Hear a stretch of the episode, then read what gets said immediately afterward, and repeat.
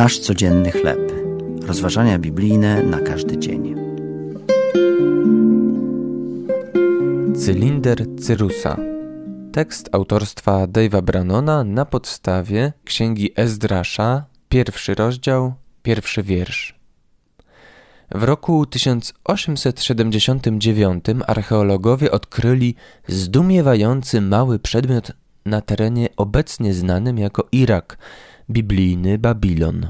Cylinder Cyrusa o długości zaledwie 23 cm zawiera opis czegoś, czego dokonał król Persji Cyrus 2,5 tysiąca lat temu. Mówi on, że władca zezwolił grupie ludzi na powrót do ojczyzny, by odbudowali swoje święte miasta. Jest to ta sama historia, która pojawia się w księdze Ezdrasza w pierwszym rozdziale. Czytamy w niej, że pobudził Pan ducha Cyrusa, króla perskiego, by wydał edykt. W edykcie tym Cyrus oznajmia, że uwalnia jeńców babilońskich, by udali się do swojego domu w Jerozolimie oraz odbudowali swoje domy i świątynie.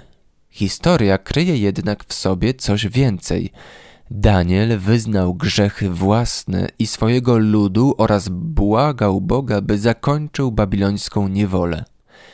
W odpowiedzi na modlitwę proroka Bóg posłał anioła, by do niego przemówił.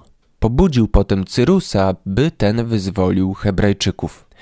Zarówno cylinder Cyrusa, jak i Boże Słowo pokazują nam, że serce króla odmieniło się, sprawiając, że zezwolił, aby hebrajscy wygnańcy wrócili do domu i oddali cześć Bogu.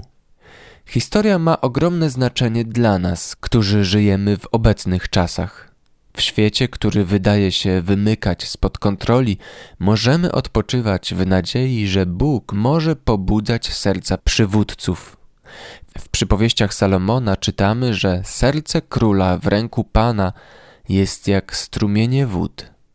W liście do Rzymian w XIII rozdziale czytamy natomiast, że nie ma władzy jak tylko od Boga.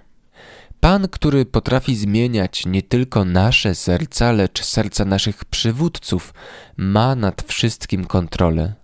Prośmy go więc, by działał. To były rozważania biblijne na każdy dzień. Nasz codzienny chleb.